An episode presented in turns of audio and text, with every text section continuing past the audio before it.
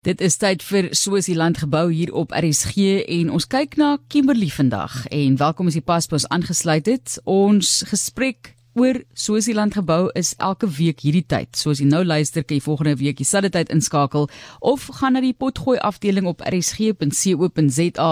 Daar is alles vir jou beskikbaar van wat Dawie en van die ander mense en gaste in die insetsel die afgelope maande bespreek het. Ons kyk nou na die Noord-Kaap, die grootste provinsie en ons gaan na 1870 met Dawie Botha. Hy is 'n siviele ingenieur. Hy was onder andere vir 19 jaar die uitvoerende direkteur van die SA Instituut van Siviele Ingenieurswese en as ingenieur is hy tans mede-voorsitter van Proset. Dis 'n onderafdeling van die Nasionale Wetenskap en Tegnologie Forum. Welkom Dawie. Goeiemôre Martelies. Dis lekker om jou hier te hê van laas was jy in Kimberley.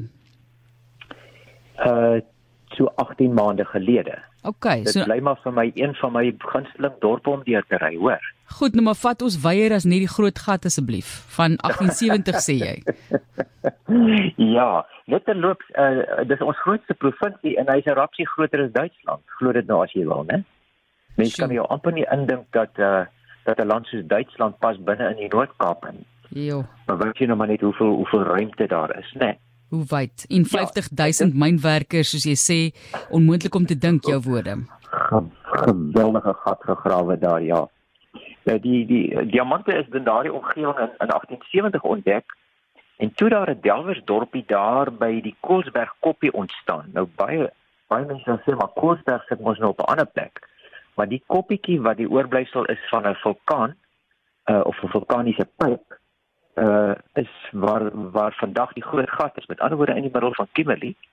En dit is waar die diamante natuurlik aan voorkom uh, meestal in in hierdie uh, vulkaanpype. En toe die dorpie daar rondom die koppietjie ontstaan met die naam van New Rush dit verwys natuurlik nou na die mense wat nou in allerlei soontoe is om hulle fortuine te gaan soek. En ek dink baie het het, het uh, teruggekom nog armer as wat hulle was Maar goed, dis byna onmoontlik om te dink so wat 50000 mynwerkers soos jy nou sal sê, het met pik en graaf daardie gat gegrawe al agter die blinkklippies aan.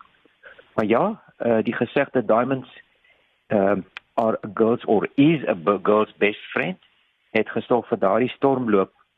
En net so 'n bietjie persoonlik, my ouma Oukamp was ek uh, Forsie daar van Kimberley af uh aan die weste kant van Kimberley en haar familie was later later jare in die diamantslypbedryf. En toe wil ek gaan trou maar ons is ons het nie geld nie, ons is maar nog studente. En toe spoor my ma daardie familie van haar hier in 1970 op en vandag vryk daar 'n pragtige klein baguette diamant op my vrou se verloofde trouring. En dan my oupa ook ook daar sy vakleerlingskap verpasser en draaier by Terry's in Kimberley geloop en van sy stukke wat hy gegiet het is nou nog aan ons familie se besit.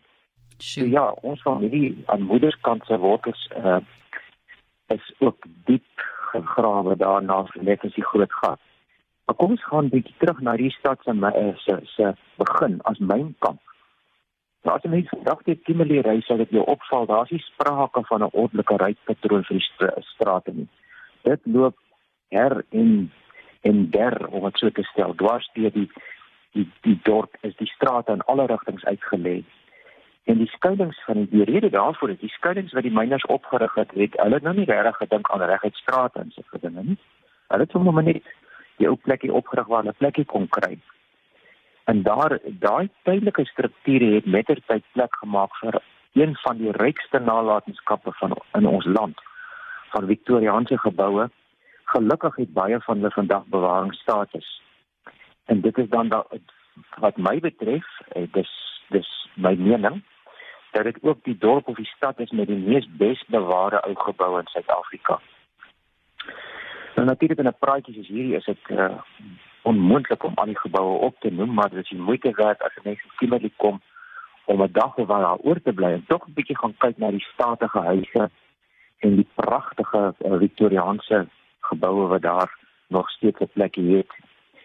Uh die een gebou wat ek tog wil noem wat my nog altyd baie beïndruk het is die McGregor Museum. Nou dit is in 1897 gebou om diens te doen as 'n luukse hotel, 'n sanatorium en 'n gesondheidstoevlugsoord. Nou hoekom 'n sanatorium? Wel, tuberkulose was in daardie tyd vry algemeen en daar's geglo dat die droë klimaat van die Karoo en die Weskant van Suid-Afrika gehelp het om mense se longe te genees. Luisteraars sal seker ook weet dat die beroemde Matjiesfontein Hotel noord van Lensburg ook so 'n sanatorium was en dan daar natuurlik nog Nelspoort as ek nou die naam reg het op die spoorlynroete waar daar tot relatief onlangs net maar sê ook so 'n sanatorium was. Ja, die baie bekende De Beers maatskappy het natuurlik diep spore in Kimberley getrap en moenie vir Cecil John Rhodes en Barney Barnard vergeet nie. De Beers het toe in 1908 die naam van Kimberley Sanatorium verander na die Belgrave Hotel en dit het so tot omtrent 1930 gedien as 'n luxe hotel. So gaan kyk 'n bietjie rond. Dis werklik die moeite werd. Al hou jy nie van ou dinge nie. Uh dis tog die moeite werd om te gaan kyk. En moenie die pragtige sinkgeboue vergeet nie. Ek weet nie altyd hoekom kyk ons so oor op uh, meer op sinkplaat as boumateriaal vir mure nie. In Kimberley is daar nog 'n hele reeks sinkplaatgeboue wat na 120 jaar nog in 'n goeie toestand is. Nou die Groot Gat Museum uh hulle ek dink hulle noem dit nie eintlik die Groot Gat nie, maar kom ons noem dit maar so almal weet van die Groot Gat. Is daar ook pragtige voorbeelde heropgerig. En mens kan daar in die straatjies loop en jy kan selfs daar inloer met 'n baie danssaal met sy eie tydse musiek. Werklik die moeite werd. Maar ja, Kimberley het ook nie agtergebly met moderne geboue nie. Die twee wat vir my uitstaan, is die een waar diamante gesorteer is. Uh en dit is in die middel van die stad gebou hier rondom 1973. En ek dink die gebou is so omtrent 17 vloere hoog. Al sy vensters kyk suid. Nou ons het die voorreg gehad om daar tydens een van ons presidentsbesoeke ook te gaan kyk. En ons het natuurlik die hele storie gehoor. Blykbaar word diamante in sulke hoopies gesorteer. Hulle lyk nie almal noodwendig dieselfde nie. En dan gaan jy nou daar kyk. Hulle ek dink hulle noem dit sightings. En dan sluit jy nou watter pakkie wil jy koop. So jy moet maar jou diamante goed ken en dan moet jy vat wat jy kry as jy klaar gekies het. Nou die noordekant van die gebou is byna soliede beton. En ek het genoem van die vensters die vensters is nie vertikaal ingesit nie maar seker 'n hoek van so 70 80 grade teenoor die vertikaal en die rede hiervoor is sodat daar nie refleksies op die sorteertafels moet wees nie. Blykbaar is die die beste manier om diamante te sorteer is aan natuurlike lig. Maar ja, ek het nou verneem dat uh, volgens die Dunham Fields Advertiser die koerantjie verlede jaar is die gebou nou ontruim en dat hierdie diamantbedrywighede wat daar plaasgevind het, verskuif na Johannesburg. Die ander baie indrukwekkende gebou, toring, is die Telkom mikrogolftoring Nou die is volle 235 meter hoog en kan van ver af gesien word daar op die Kimberleyse vlaktes. Die argitekte het blykbaar 'n inspirasie gekry van die diamante van die dorp. Die top van die toring met sy kantore en glas, veral in die aand, kan 'n mens met so 'n bietjie verbeelding indink dat dit lyk soos 'n langtermige diamant. Die konstruksie is van beton, soos ek reeds gesê het, en die strak skoon lyne doen werklik nie afbreek aan haar talle historiese geboue met hulle krulletjies en draaitjies gietyster balkonreëlings en sinkdakke nie. Nou ja, nog 'n laaste draaitjie terug na strate toe. Ons is eendag daar uh op een van die besoeke toe het hulle in Galashewe woonbuurt het hulle die strate gebou met betonplaveitblokkies op baie groot skaal. Nou die rede vir die gebruik van die blokkies is tweeledig: duursaamheid van beton en tweedens werkskepping want natuurlik daardie blokkies word almal per hand gelê. En ja, dis nog 'n taak vir 'n kundige, maar jy leer iemand redelik vinnig om om daardie taak uit te voer, bietjie anders as met 'n teerstraat.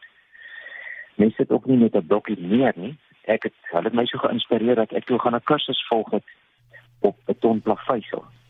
Nou ek sou baie graag wil weet hoe lyk die blokkiestrate teëstaan want hier in 'n maand is dit 'n hele sypaadjie met bokkies weggedra so ek ek hoor daar die strate is nog daar. So interessant. Dawie regtig baie baie dankie. Interessante geskiedenis van jou eie familie ook wat so deurweef is. Dawie Botha is 'n siviele ingenieur en elke dinsdag is hy hier aan die woord oor die land en hoe dit gebou is. Baie dankie Dawie. Mooi bly en warm bly. Plesier. Dit is dis dan vandag Noord-Kaap se rigting en by 1870 het ons begin.